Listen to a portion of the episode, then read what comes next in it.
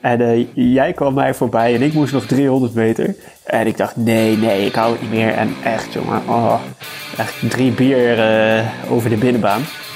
En eh, nou, toen moest ik een bonusrondje, dat was wel jammer. Maar ja, ik dacht echt dat ik het ging halen. Ging.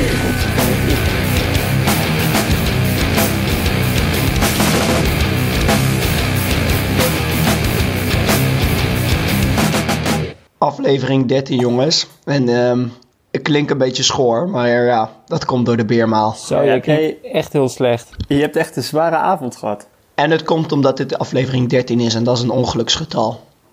Ja. Ja, als ik eh, altijd eh, nummer 13 heb in wedstrijden, dan draag ik hem altijd verkeerd om. Ik heb een jaar lang heb ik, eh, in de teamcompetities heb ik nummer 13 gehad. En gewoon iedere keer allemaal op de kop geplakt. Kwam je het juryvak in? Of de wisselzone? Eén Eh, keer keek er iemand heel gek. Ehm, maar achteraf vond hij het denk ik wel grappig. Maar eh, eh, geloven jullie daar dan in? Dit soort. eh, ik weet dat eigenlijk niet eens van jullie. Geloven jullie daarin? Dit soort onzin. Onzin. Ja, ik- ik deed het echt wel serieus hoor. Ik, eh, ja, ik denk, ik, ik denk dat, dat op de kop plakken mij wel echt van de, de, de slechte goden heeft eh, bespaard. Ja, nou. Nee. Nee, ik geloof er absoluut niet in, maar ik vind het wel gewoon grappig. Het hoort ook gewoon nummer 13 op de kop. Ja, dat, Ik was een keer in Frankrijk bij de Alpe d'Huez duathlon. En toen had Koen de Haan nummer 13. Die had eh, zijn startnummer netjes op de kop gedaan, wilde de wisselzone in. Mocht hij niet naar binnen. Ja, dat is wel zuur. van de Franse jury. En van de Franse jury. No, no. Die, die staan erom bekend dat ze echt heel erg flexibel zijn. Dus het valt me dan weer tegen. Ja. Maar in de, in de ITU-wedstrijden bestaat niet eens een nummer 13, hè? Wisten jullie dat? Wat? Nee, Nee, ja, ik Je wist dat een- eigenlijk Je maakt wel, een ja. geintje, toch? nee, is echt waar. Ik weet nog dat ik eh, dit jaar deed ik Holte eerste divisie. En dat was dan geloof ik ook een ETU-wedstrijd. Maar wij starten van hetzelfde ponton. En dan had je dus per nummer had je een soort startvakje. Ja, dan heb je zo'n En dan vakje, heb je, ja. dus, dan heb je dus nummer 12 en daarnaast zit nummer 14. Nee. Ja, mooi. Ja, Nee, dat is echt waar. Ja, Ja, ik, ik, dat vind ik wel echt een beetje overtrokken, dat ze dat ja, zo ver naar toch- gaan. Ik bedoel, dit is een, een serieuze sport. En eh daar ga je toch niet nummers overslaan? Wat een bullshit. ja. Ach ja, mij boeit- interesseert het eigenlijk vrij weinig. In het voetbal doen ze dat ook, hè. Gewoon rug eh, nummer 14 bij Ajax eh, bestaat volgens mij niet meer. Nee, maar het- dat heeft andere redenen. Ja, dat is waar. Maar dus bij de ITU, als je eh, daar op het ponton gaat staan, heb je 11, 12, 14. Ja, inderdaad. Ja, ja. Ik, vind, ik vind dat echt onzin. Ik bedoel, ehm, dat je als persoon bijgeloof hebt, oké, dat, dat ja. Ik heb dat persoonlijk niet. Eh, maar dat je dat dan aan de hele triathlonende natie oplegt, dat vind ik, eh, dat vind ik een beetje ver gaan. Ja, terwijl jij, Diederik, jij hebt volgens mij ook wel eens een... eh, je zegt net, je gelooft niet in bijgeloof. Dat is een bijgeloof op zich trouwens, hè. Maar goed, ehm jij had een, eh, een, een popje aan je stuur, toch, ooit? Voor je tijd op de fiets? Dat is waar. Ja, gelukspopje. Ja.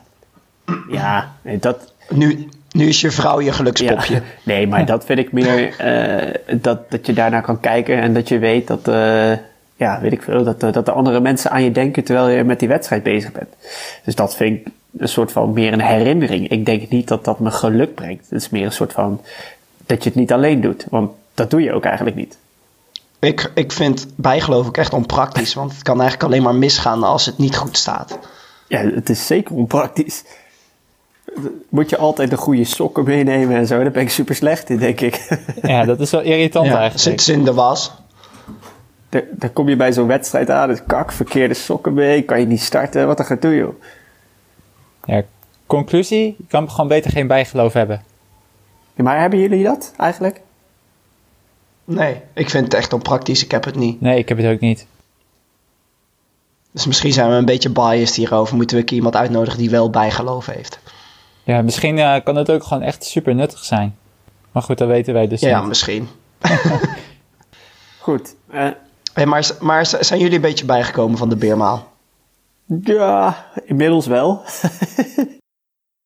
nee, maar eh, de beermaal was echt, eh, ik vond het echt weer super tof. Ik heb weer echt een hele leuke avond gehad en eh, iets minder leuke ochtend. maar we hebben gelachen. Ja, het was echt, echt vet. En voor degenen die het gemist hebben, we hebben afgelopen zaterdag een beermal gedaan. Dat is vier rondjes op de atletiekbaan, 1600 meter. En eh, voorafgaand aan elk rondje moet je een blikje bier atten van 0,33 centine- centiliter. Ja, en eh, ik eh, baal er Oh, wel oh. van. Want, 0,3 want ik had- liter. 0,33 centiliter is wel heel weinig.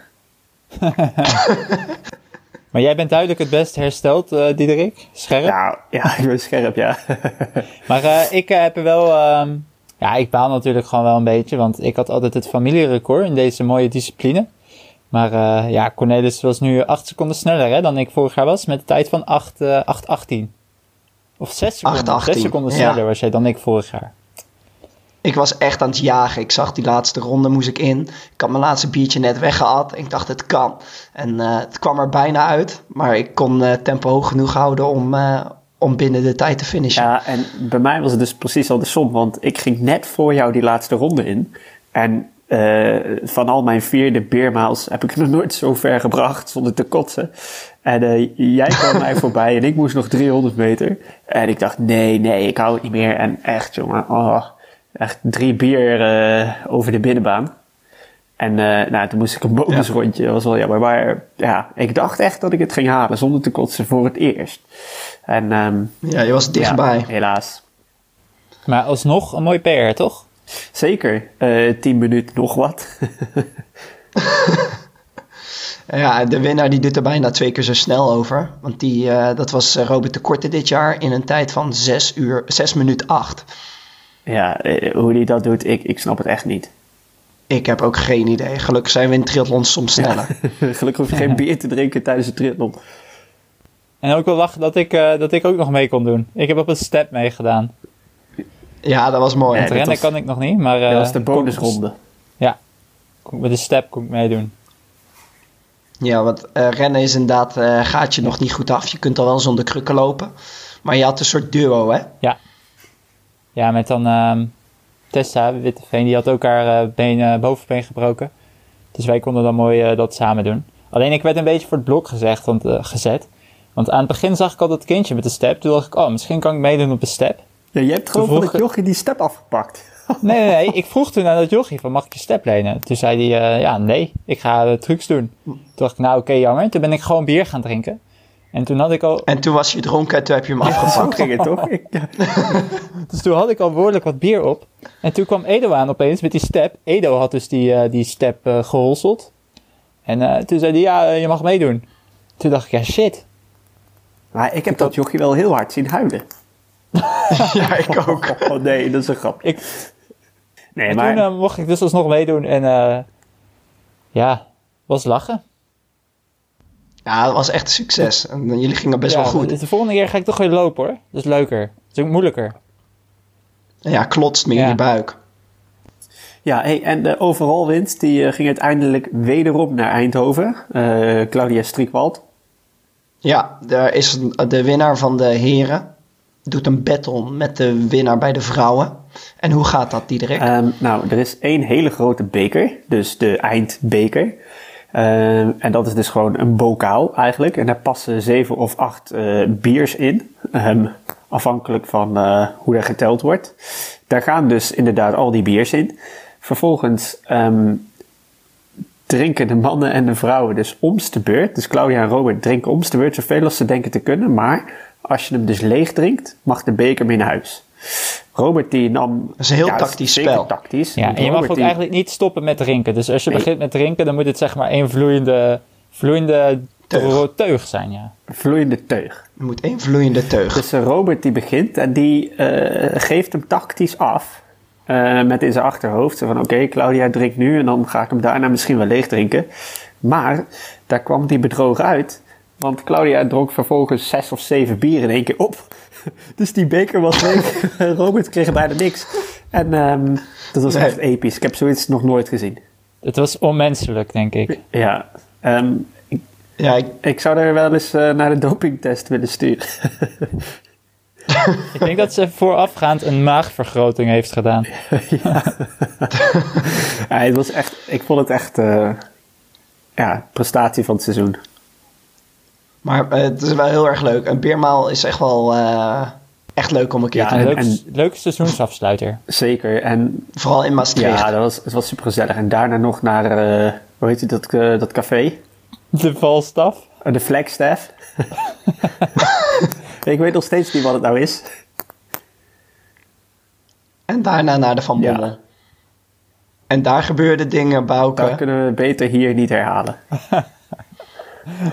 Nou, ik denk dat we ook niet eh, alles moeten bespreken wat in de valstaf gebeurd is. Nee, nee. nee. Oké, Die de dus Hendrik. iedereen die wil weten wat er gebeurd is, die moet volgend jaar gewoon mee. Eh, want eh, eh, niet alles mag herhaald worden. Nee, wat er gebeurt in Maastricht blijft in Precies. Maastricht. Over Maastricht gesproken. Eh, Hawaii. Hoe vond je dit brugje? Dat was echt briljant niet. Ja, wel snel, maar voor de goede luisteraar. Ironman Maastricht, Ironman Hawaii. Oh. Eh, wacht, ik heb nog één, één ander leuk ding. Het is vandaag 10 oktober. Wist je dat vandaag, exact 10 jaar geleden, sterker nog, het is nu kwart over zeven. Op dit, nee, het is half acht. Op dit moment, 10 jaar geleden, lag ik in eh, eh, de Pacific Ocean op Hawaii. Om daar eh, voor de eerste keer deel te nemen aan het eh, wereldkampioenschap eh, Ironman. Dus vandaag, hè, 10 jaar terug. Oh. Gefeliciteerd met je jubileum. Uh, ik heb er wel even bij stilgestaan. Eh en eh, ik heb de hele dag mijn medaille al om. nee, dat is niet waar. Het zou wel leuk zijn eigenlijk. Nee, maar dat is, Ja. eigenlijk wel, dat is wel een leuk verhaal. Dus dat is vandaag tien jaar geleden. Ik heb me toen geplaatst. Ik heb eh, toen geplaatst in, in de Ironman UK in Engeland. En ehm, ik had nog nooit een hele triathlon gedaan. En ja, er was nog geen social media. En eh, ja, we ik was niet zo, we waren niet echt goed, nou wel goed, maar niet professioneel met onze sport bezig. Dus we dachten, oh ja, doen we wel even. We willen, ik wil me plaatsen en eh, dan ga ik naar Engeland, kwalificeer ik me en dan ga ik naar Hawaii. Dus ehm, ik trainen en ik zei tegen Evert, yo, ehm, ga je mee? Ik heb een coach nodig en ik betaal je vlucht. Evert zo, wow, oké, vet. Be- betaal je mijn vlucht, prima. Dus eh, ik heb vlucht geboekt bij Ryanair. Was het 2 euro per persoon retour. dus, dus voor 4 Hij trakteert ook een keer hoor. dus voor 4 euro zaten wij met z'n tweeën in Engeland en weer terug. En eh, ja, toen heb ik daar die Ironman gedaan. Het was, ik zat nog in de agegroep eh, 18 tot 24. En eh, ik had met een dikke half uur voorsprong mijn agegroep gewonnen. En eh, toen champagne gedronken en eh, ik mocht naar Hawaii. Dus ja, tien jaar geleden. Goeie oude tijd. Hey, en van dit avontuur is een fantastische vlog gemaakt. Toen heette het overigens nog geen vlog, maar gewoon een Oh, de video. Ironman UK vlog. Ja, die ga ik even opsnorren. En die voegen we toe aan de show notes. Dat is echt Die super op grappig. Vimeo volgens mij. Of, ja, dat is echt wel een leuke video eigenlijk, ja. Dus het, al het camerawerk eh, door, eh, door Evert. Ja, het is het echt een reportage gemaakt door Evert, ja. Ja, die heeft echt een goede documentaire eigenlijk. Ja, Ja, toen was hij eigenlijk al een soort influencer. Maar goed, ehm, dus over twee dagen is het eh, weer eh, feest in Kona. Ehm, wie denken jullie dat er gaat winnen? Els Visser. Nee, Els is... Ja, nou ja, dat zou niet helemaal realistisch zijn. Els. Visser is de enige Nederlandse Nederlander eh, die deelneemt. Pro. Ja, als pro inderdaad. Ehm, ja, dat is wel cool dat er weer eens een pro eh, meedoet, vind ik. Dat is lang geleden, denk ik, hè? Een jaar of drie dat Bas eh, die er meedeed. Bas Diederen. Ja, is dat niet... Dat is drie jaar geleden, denk ik. Hey, En bij de vrouwen. Ja, Yvonne van Vlerken in datzelfde jaar. Want volgens mij was Yvonne vorig jaar ook niet op Hawaii. Maar goed, dat is dus onze Nederlandse hoop. Ja.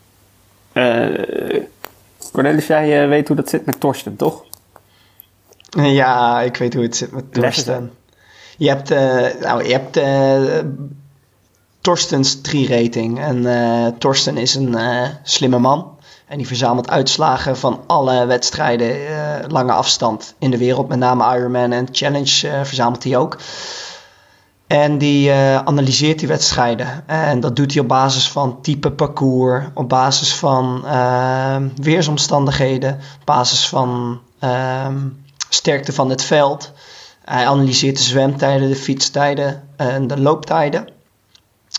En ehm, op basis daarvan kan hij per wedstrijd maakt hij voorspellingen op basis van die data. En ehm, zo heeft hij eh, ook de vrouwenrace voorspeld, maar daar staat Els Visser niet als winnaar, Bouke. Nee, ik uh, zit er nu net, uh, net te kijken. Els Visser staat er als Els Visser staat 34ste. Ja, leuke aan die voorspelling ja. is dat hij um, ook echt een, een zwem, een fiets en een loopvoorspelling maakt. Dus per, per onderdeel echt specifiek. En nou ja, eigenlijk iedere, voor iedere keer als een race deed, dan keek ik vaak wel even gewoon, goh, wie doen er, die doen er mee aan tegenstanders? En eigenlijk, als ik dat zo bekijk, dan vind ik die voorspellingen vrij accuraat. Dat, Ja. dat vind ik wel interessant. Op basis van die voorspellingen kan je eigenlijk heel goed zien wie komen er met elkaar uit het water, eh, wie zitten er vervolgens in de fietsgroep en wie kan er potentieel van achter komen lopend en wie, gaat er, wie heeft de beste papieren eigenlijk om eh, de wedstrijd te winnen. En op die manier vind ik het altijd leuk om zo'n race te volgen, want dan zie je al snel of iemand een mindere dag heeft of juist eh, extra goed bezig is. En, eh, maar goed, het is allemaal natuurlijk op basis van prestaties uit het verleden. Wat er niet in mee is genomen is, ja, wat gebeurt er op zo'n dag zelf? En ook mijn tijden, mijn, mijn, mijn profiel is, zeg maar, ik heb een, altijd een langzamere looptijd dan ik eigenlijk kan. Maar dat komt omdat ik een aantal keer gewoon gewandeld heb. En dat neemt hij ook in mee. Dus zij pakt wel gemiddeldes. Ja, maar dit is echt tof om te kijken. Uh, om te bekijken als je de, de Ironman ondertussen ook bekijkt. Dan kun je echt goed zien hey, wie, uh, wie komt er vermoedelijk inderdaad met fietsen langs. Of hey, die twee komen samen van de fiets. Wie loopt er uh, potentieel harder. Superleuk om zo ja, die wedstrijd te analyseren. Ik leuk, ook helemaal nu met Hawaii. Dan ga ik altijd van tevoren even kijken van oké, okay, wie zijn er, waar hebben ze zich geplaatst. dat kan je allemaal terugvinden op, op zijn site. Wat is het? Trirating.com volgens mij. Exact, ja. Ja. En, uh, maar goed, Els heeft dus een rating van, wat is de tijd? Um, dat is... Uh, ik had... 9.30 en 40 seconden. Ja, en, en uh, Daniela Reef staat denk ik als eerste dame. Wat heeft zij voor tijd? Wat is de voorspelde winnende tijd? Zeer zeker. Daniela Reef staat eerste met 8.42. En als tweede staat Lucy Charles uh, met 8.50. En als derde Anne Hoke met uh, 8.52. Ja. En dat is wel grappig, want je ziet dus wel dat de verschil tussen nummer 1 en 3 eigenlijk echt wel heel groot zijn. Er zit 10 minuten tussen hier in de, op basis van de data. En dat is echt een groot gat. Ja, dat is, dat is altijd een beetje een dingetje. Um, er mogen nu ook uh, 50 vrouwen starten. Uh, in het verleden was het tot ik 30. En vooral vanuit uh, de Amerikaanse pro's is vrij lang actie gevoerd. De 50 Women to Kona hadden heel veel atleten van die plaktattoos en hebben ze allemaal petities gehouden en uh, wilden ze de Ironman ervan overtuigen dat er net als de mannen, dus 50 man, ook 50 vrouwen aan de start mochten verschijnen in Kona, want dat was heel lang niet het geval. Alleen pro's hè, hebben we ja, het over, ja. dus er zijn heel veel agegroupers. Maar... Ja, en uh, daar valt wat voor te zeggen natuurlijk. Uh, mannen moeten gelijk, of vrouwen moeten gelijk worden behandeld uh, aan de mannen. Alleen je ziet ook hier uh, dat de dichtheid van het veld heel anders is. Want ik heb het rapport niet voor me hoor, maar wat is het verschil op papier tussen de eerste drie mannen? Tussen de eerste drie mannen is het verschil ongeveer, uh, het zit binnen twee minuten. Ja, en kijk, Els is... Net niet binnen twee minuten trouwens. Els is, Els is 33ste gerankt met 9 uur 30. Dat is dus grofweg uh, 48 minuten langzamer dan de eerste vrouw. Maar hoe, zit de nummer, hoe is de nummer 33 gerankt bij de mannen? Ongeveer een... Ja, 8,23 en dat is 25 minuten na de eerste Ja, dus het verschil is ongeveer twee keer, bijna twee keer zo groot.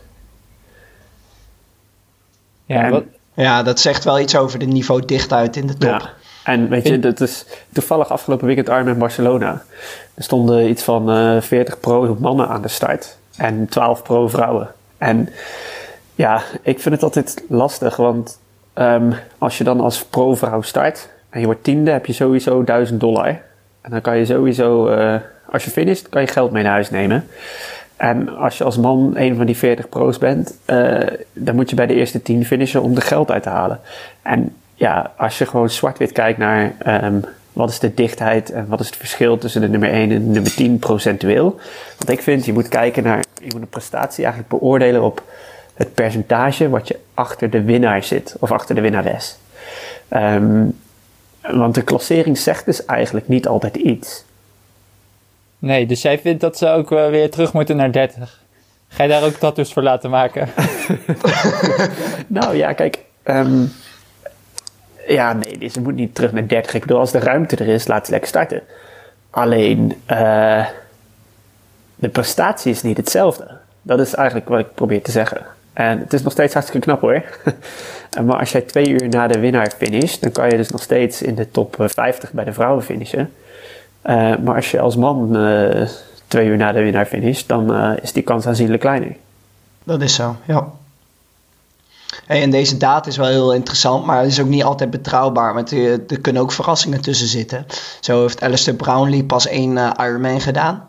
Dat was niet eens een, eh, een ehm, eh, volledige, want daar is het zwemonderdeel afgelast. Omdat het slecht weer was in Ierland toen. En op basis daarvan is hij dus gereed. Ehm, en hij ligt, staat nu elfde. Maar die zou best wel eens kunnen verrassen. Oh ja, Alistair doet natuurlijk ook mee. Was ik even vergeten. Diederik, wie denk jij dat er gaat winnen? Ik denk dat, eh, kijk, Frodeno is er eh, vorig jaar niet geweest. Dit jaar daarvoor had hij last van zijn rug. Heeft hij wel gefinished, maar eh, was hij niet eh, wat hij had kunnen doen. Toen heeft hij op het twee asfalt gelegen. Ja, de twee jaar daarvoor heeft hij gewonnen. En ik denk dat hij echt gewoon iedereen keihard naar huis loopt. Wie denk jij dan dat Hawaii gaat winnen, Cornelis? Ja, ik zou toch mijn geld inzetten op Sebastian Kienle. Dat is zo'n eh, zo'n leuke gast. We waren, eh, ik denk, eh, 2015 of 14 in eh, Ironman Frankfurt. Oh ja, Stonden we bij de finishline party te feesten tot de laatste deelnemer binnen was. En eh, daarna, nadat de laatste deelnemer binnen was, ging het licht uit. Zijn we langs de finishboog opgesneakt. En toen hebben we daar, eh, ik denk, nog een half uur staan ouwe hoeren met Sebastian Kienle en eh, Jan Frodeno. die stonden daar allebei dat medailles was wel uit echt vet. reiken, ja. Ja, maar het zijn echt ja, sowieso allebei, maar het zijn zulke leuke gasten. Ja, dus ik hoop dat Kienle wint.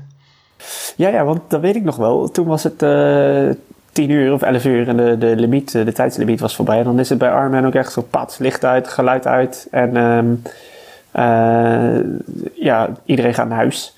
Maar toen kwam er... Ja, je wordt niet meer opgenomen in de Nee, ja, uitslagen. precies. En toen ging er echt nog... ehm, kwam er nog echt drie minuten later iemand mee binnen. En die kreeg toen eh, de medaille van eh Kienle. Ja, daarom. Yo, ik hoop echt dat, is hij wint. sick, ja. Dat is Ja. mooi. Jullie nu ook? Ja, ja, ik ben Eh, om. En, en Bouke, jij? Ja, ik eh ga wel voor Alistair Brownlee. Hmm. Dat is Maar vet dat is, dat trouwens ook interessant, hè? Kijk, Hawaii is altijd het WK, maar eigenlijk is dat helemaal niet eerlijk. Ik bedoel, ehm, het is altijd hetzelfde weer ongeveer. Het is warm, eh, de luchtvochtigheid is hoog. Ehm, er zitten hoogtemeters in het fietsparcours en ehm, daar, moet je allemaal maar net, daar moet je allemaal maar net liggen, zeg maar. Als je kijkt naar alle andere sporten, is het WK altijd op een andere plek. Het is nooit jaren achter elkaar op dezelfde locatie. Dus in de triathlon lange afstand, dus eigenlijk, kijk, eh, officieel is Hawaii ook niet het WK volgens de ETU, dus en de ITU, International Triathlon Union.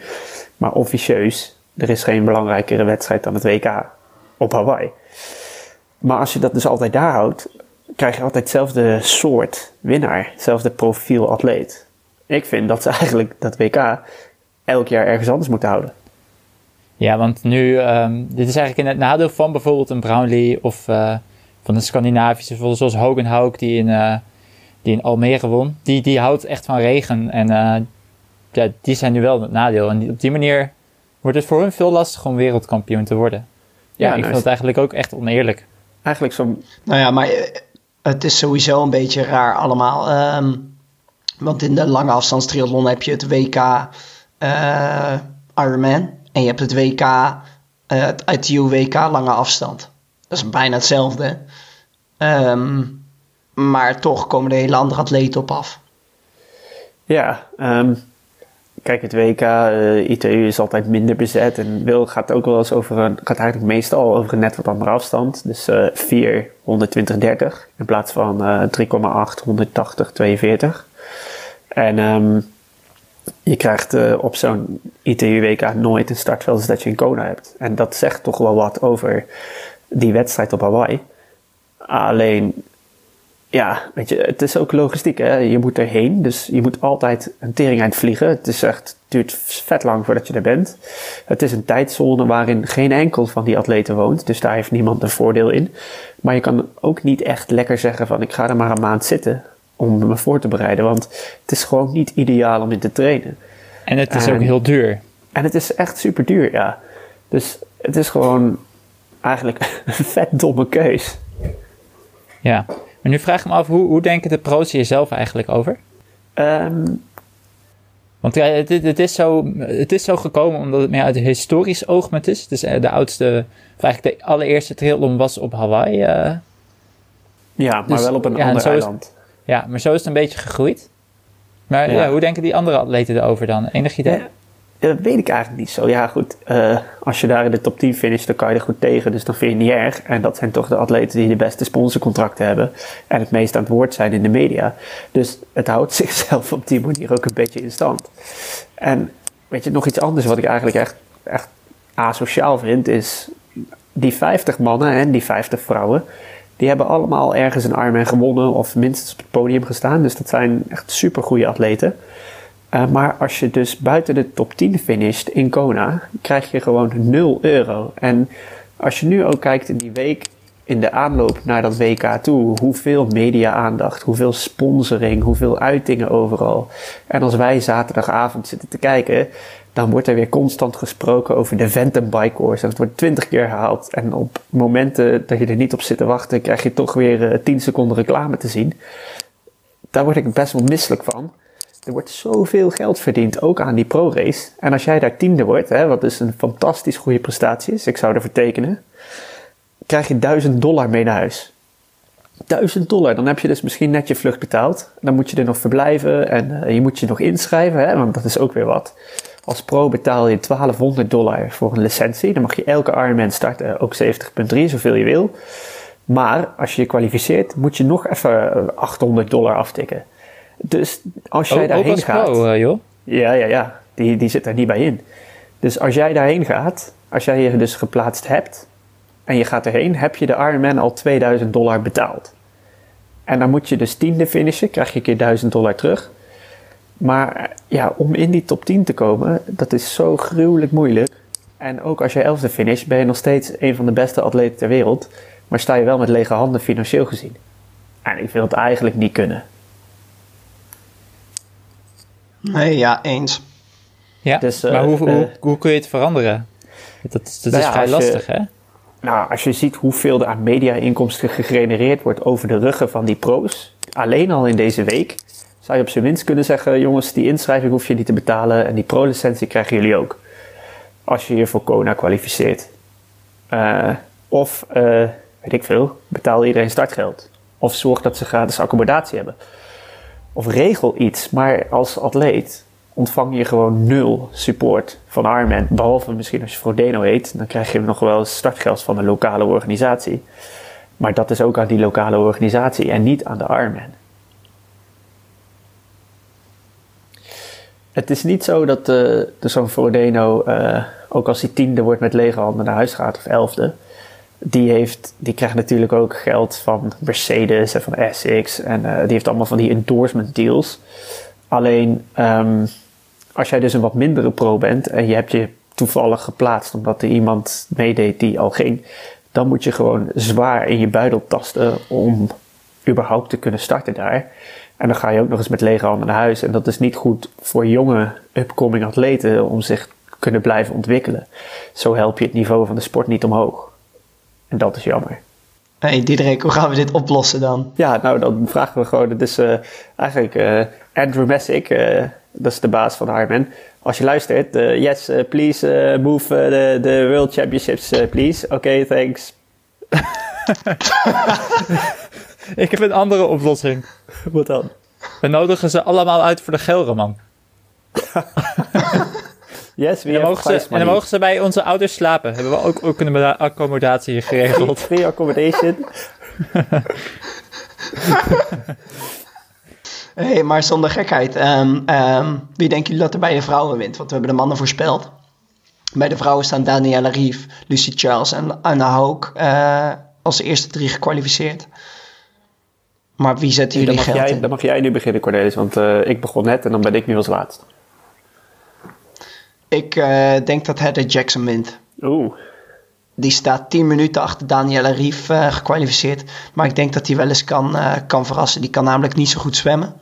Maar ja, fietsen kan ze aardig. Maar vooral ook eh, hardlopen. Interessant. Bouke? Echt geen flauw idee. Ik zag op nummer 15 staat Sarah Pian Piano. Vind ik wel een leuke naam. Hoor dat ze een leuke naam heeft. Ja. Maar die heeft ook wel een goede eh, looptijd. Maar ja, nee, dit staat gewoon nergens op om dit te zeggen. Maar Het is ook super moeilijk natuurlijk. Maar ehm, hier ga je de, de, de, de Unibet niet mee winnen. nee, ik denk ehm Hauk. Ik denk het ook. Nee, die, die was vorig jaar was voor het eerst op Hawaii. Toen werd ze derde. Eh, die heeft in, eh, in een Ironman, ik weet niet meer precies welke. Maar toen liep ze echt knetterhard. En ehm, eh, ik denk dat, eh, eh, dat zij gaat winnen. Dat ze met lopen eh, zo hard loopt dat ze komt wel met een achterstand van de fiets. Van bijvoorbeeld Rief, maar ook wel van Lucy Charles. Maar dat ze ze inhaalt met lopen. Ja, zij zou gewoon ook een top 20 looptijd neerzetten bij de mannenpro's ongeveer. Als ik zo bekijk. Dat Dat is- echt niet dat is echt normaal. Volgens Torsten eh, gaat ze 2 uur 54 lopen. Ja, dat is op Hawaii echt hard. Dat is eh, net zo hard als eh, Lionel Sanders. Of Andy Boegerer. Of Timothy O'Donnell. Ehm, over Hawaii gesproken natuurlijk. Ik heb nog wel, toen ik, toen ik daar was, ehm, toen, eh, toen liep ik een beetje zoals hij, denk ik. nee, ik liep echt heel slecht. Ik, ik zwom een uur. Ik fietste 5 uur 20. En toen liep ik, dat is dus bij elkaar 6 uur 20. En toen liep ik 6 uur.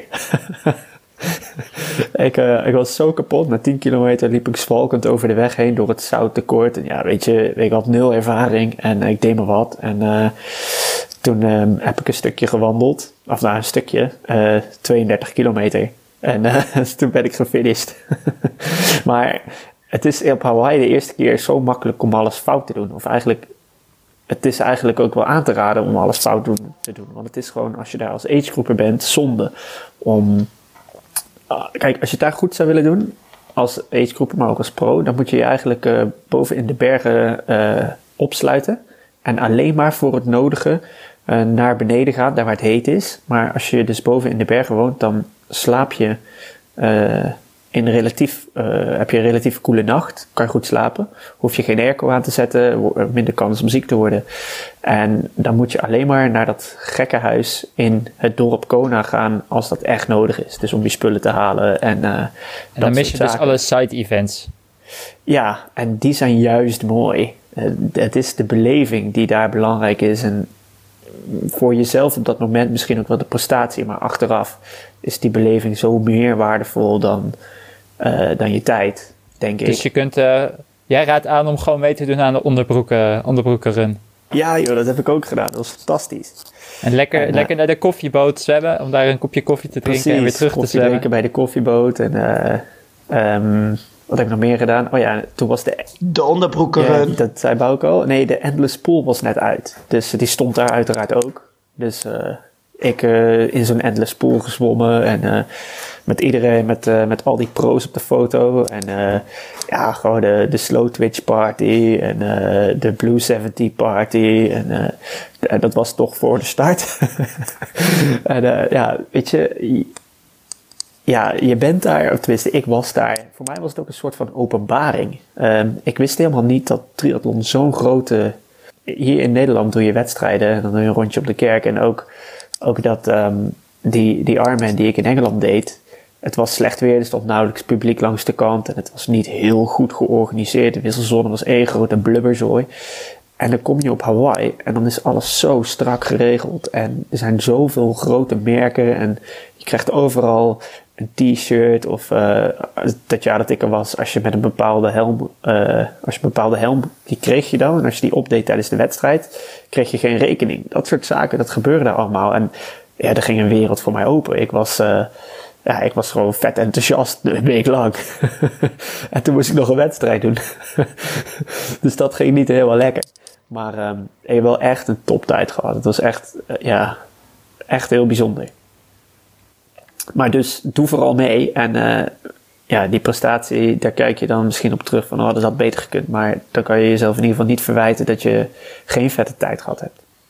Dus jouw advies, geniet om. Precies, gewoon genieten. Nou, mooi. hey, uh, horen jullie dit deuntje? Hey, ja. AliExpress. Ja, hey, ik heb uh, dit keer zelf geen, uh, geen uh, producten, maar ik zat maandag buiten te fietsen. En toen ging ik eens tellen hoeveel, hoeveel producten van Ali ik mee had. en dan gaat het om losse bestellingen. Jullie mogen even raden hoeveel het was. 13. 3. Oh. Nee, het waren er geloof ik 8. Oh. Wow. Maar dan zitten we er even ver vanaf. ja, dat is wel grappig. Dat is wel echt veel trouwens. Kun je ze allemaal opnoemen? Um, ja. Ja, dit is ook stom bijvoorbeeld telefoonhoesje, screen protector. Dat zijn er dan al twee, het is een beetje flauw. Stuurlint. Um, mijn unit waar mijn uh, Garmin op zit. Ik had yeah. teenwarmers aan van AliExpress. Mm -hmm. uh, er zat een, een, uh, een quick link in mijn ketting. Dat is de nummer 6. ja. Um, je feature, denk ik? Nee, die niet eens. Oh, niet eens. Sokken. Mijn sokken, ja. Oh, en, bril. Ja, en mijn bril. 8. Hey, Nice. score. Ja. Dat is echt goed. Je hebt niet eens een zadeltasje nog. Nee, En nog geen multitool. nee. Dus het kan nog upgegrade worden. En nog een zaklamp straks. Ja, straks in het donker. Maar goed, hebben jullie wel aanraders? Ik heb zeker een aanrader. Ik heb eh, niet al te lang geleden een Garmin gekocht. Nice. Horloge. Ja, maar niet op AliExpress.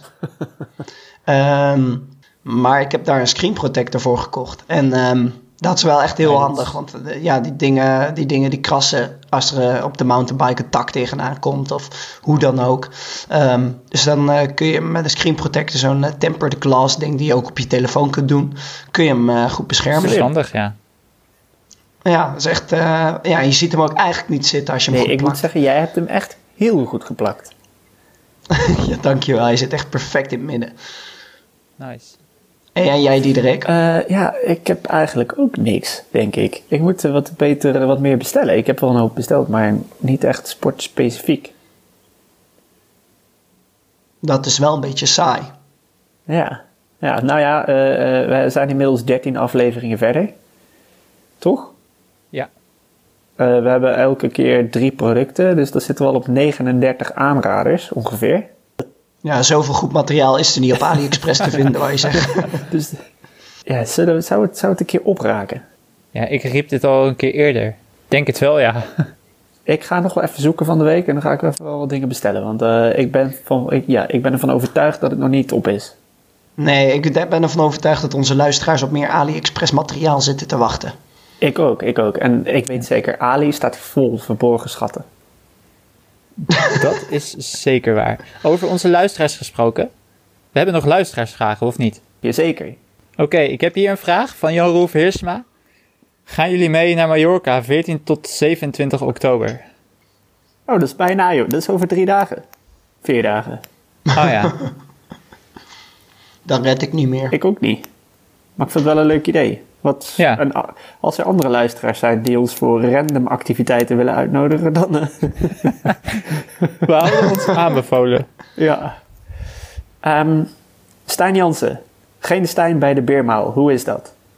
Nou, ik moet zeggen, ik vond het wel een beetje stilletjes. Ja, en er was wel een eerbetoon aan Stijn, want vorig jaar finishte Stijn met een kopperol. En nu finishte Claudia met een koprol. Ja, dat is toch een beetje wel- Stijn was ja, er. Stijn is, En wat ik, wat ik zelf fijn vond, want wij sliepen eh, bij, een, eh, bij twee gastvrouwen. Ehm, en vorig jaar sliep Stijn daar ook. En toen lagen al onze pyjama's in de knoop. En eh, dit jaar was dat niet gebeurd. Oh ja. Ja, maar dat was Stijn of het was Davy. Of Finn Timmermans. Ik vertrouw die gasten allemaal niet. Maar goed, dit jaar in ieder geval geen knopen in pyjama's en andere kleren. Dus dat was, eh, dat was mooi. Dan heb ik hier nog een vraag. Waar leer ik hoe ik mijn fiets schoonmaak? Mijn douche is alweer zwart en ik ook. nou, niet Eh, in de douche dus. Nee. Hebben jullie dat wel eens gedaan? In de douche? Ja. ja, maar dat is echt geen... Nee. Ja, dat was in een hotel. Dat had geen keus. Maar goed, Ah, dat ja. is zeker geen succes. Nee, maar eh, ik gebruik gewoon de tuinslang. En je moet het direct doen nadat die vies is geworden. Ja, gewoon... Dan is het het Ik doe allermakkelijkst. lauw water, sopje, allesreiniger en een spons. Ik doe tuinslang, droog maken en weer in ketting insmeren. Oké, ik heb ook nog een vraag. Hebben jullie nog bijgeloof? Jo, dat hebben we net allemaal behandeld. Dat is ook toevallig. Bijvoorbeeld altijd dezelfde sokken, daar hebben we het over gehad. Nou, Joost van de Wee. Eh, dus, ehm, eh, nou, eh, je antwoord heb je al gehad. Nou, ik heb nog hier nog een vraag. Oh, Wat zou je bij je... eh, wat is een aanrader voor die tweede hele? Die je niet bij je eerste zou doen? daar heb ik eigenlijk nee. Je moet eh, in je eerste vooral, in je, in je tweede vooral meenemen wat je bij je eerste geleerd hebt. Maar ik zal niet eh, in mijn tweede full distance meer risico nemen of eh, dingen anders doen. Als het in je eerste Ja, het hangt er vanaf wat er goed Ja, ging. precies. Als het in je eerste goed ging, dan zou ik dat zeker meenemen. En wat er fout ging, moet je verbeteren en meenemen. Maar ik zou niet, ik zou niet zeggen, dit zou ik in mijn tweede doen, dit zou ik in mijn eerste niet gedaan hebben. Maar ik denk dat veel mensen die eh, minder professioneel bezig zijn, wel in hun eerste echt puur het doel hebben finishen. En dan zou ik zeggen dat je als je je tweede hele doet, misschien wel meer het doel kunnen hebben om, eh, om voor een tijd te gaan. Ja, maar ik denk als je je aan je normale, verstandige raceplan houdt. eh, en het gaat allemaal goed. En je hebt goed getraind, je hebt net zo goed getraind. Dan heb je dus die eerste en de training daarvoor allemaal in je lichaam zitten. En dat telt nog steeds mee, ook al is het een jaar later. Dus ga je ook sneller. Helder. Als je wel blijft trainen. Precies. En dan heb ik nog eentje van eh, HPJ Visser. Ik wil graag weten wie A. Scheldinga is. En wie dat is. Tja, Weten jullie wie dat is? Ja, is het een account op Insta of zo? Ik heb geen idee. nee, ik weet hoe waar dit vandaan komt.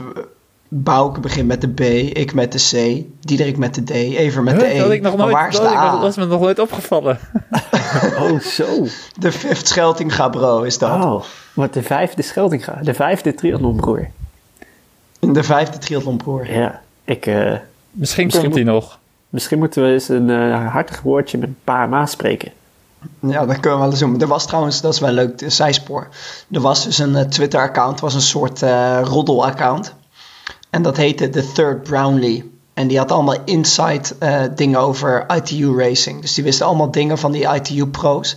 eh, die eh, eigenlijk bijna niemand anders wist. En die postte dat allemaal op Twitter vroeger. Dat was wel Een grappig. internationale wc-pot. Want wc-pot was het Nederlandse Ja. Twitter-account die dat deed. Precies. En ehm, tot de dag van vandaag is het onbekend wie dat was, hè? Ja, ja, maar dat geldt dus ook voor de Third Brownlee. nou ja, kijk, er is een third Brownlee. Die gasten hebben nog een broer. Of broertje. Maar die doet niet aan triathlon, volgens mij. Wisten jullie dat eigenlijk? Ik heb dit wel eens gehoord, ja, nu je het zegt. Maar eh, ik denk dat het tijd is om af te ronden. Ehm, hoe gaan jullie Hawaii volgen? Gaan jullie Hawaii volgen? Zo ja, hoe? Ik op de bank, eh, op, op de achtergrond kijk ik een film. En eh zit ik op mijn laptop en ik ga om tien uur naar bed. Verstandig. Neem ook een kopje met honingthee erbij. Dat lijkt me heel Dat handig. ja. kan, kunnen jouw stembanden wel gebruiken. En de strepsel. Ja. Van Bayer. Oké, eh, ik ga. Normaal keek ik altijd. ehm, hadden we met Aloha een evenement. Nu hebben we ook met Aloha het evenement, Lustrum. Want Aloha wordt 25 jaar eh, precies eh, vandaag eigenlijk. En dat vieren we dan. Dus het staat er vast ergens op de achtergrond aan. Maar wat we normaal deden is, dan gingen we. Ja, dan stond het aan. Dan gingen we pina colada maken, pizza Hawaii maken. En dat allemaal drinken en eten. En ehm, Teenslippers is- aan. ja, ja, inderdaad. Ook gekleed in eh Hawaii eh Hawaii blues. Hawaii shirt, Zonnebril zwembroek, zonnebril. Ja, dat was Lachen. altijd wel echt lachen. Geinig, geinig. Een beetje beerpong spelen ondertussen. Ook, ja. ja. Ik, eh, ik weet nog niet. Meestal eh, doe ik inderdaad ook gewoon de tv aan en de laptop erbij. En een beetje op, eh, op eh, Twitter volgen wat er allemaal gebeurt en wat iedereen zegt. En eh, de livestream. Wat ik wel irritant vind is die fucking reclame de hele tijd. Joh. Maar dat heb ik net al gezegd. Nou, leuk jongens. Hey, hoe laat eh, is de start? Ehm, half zeven Nederlandse tijd. is Op precies vier- zaterdag. ja, op zaterdagavond. En dat is precies 12 uur verschil met Hawaii. Cool. Nog even onze socials droppen. Nou, Oh ja. Cornelis, jij? Mij kun je volgen op C. Scheltinga. Diederik? Eh mij kan je volgen op D Scheltinga. Ik ben te volgen op B. Scheldinga. En Evert die zit weer in Zuid-Afrika trouwens. Die is te volgen op evert.scheldinga. Juist, en de podcast die kun je bekijken en beluisteren op triathlonbroers.nl of in je favoriete podcastplayer. Ja, en uh, blijf komen hè, met die vragen. Dat is leuk, vinden we leuk. En, uh, ja, dat, ik vond ik leuk zoveel ja. vragen dit keer. En, en, reviews, vijf sterren uiteraard. Eén ster vinden we minder leuk. Goed dat je dat zegt. ja. Nou, bedankt okay. voor het luisteren. Doei. Yo, tot de volgende. Oké, okay, later.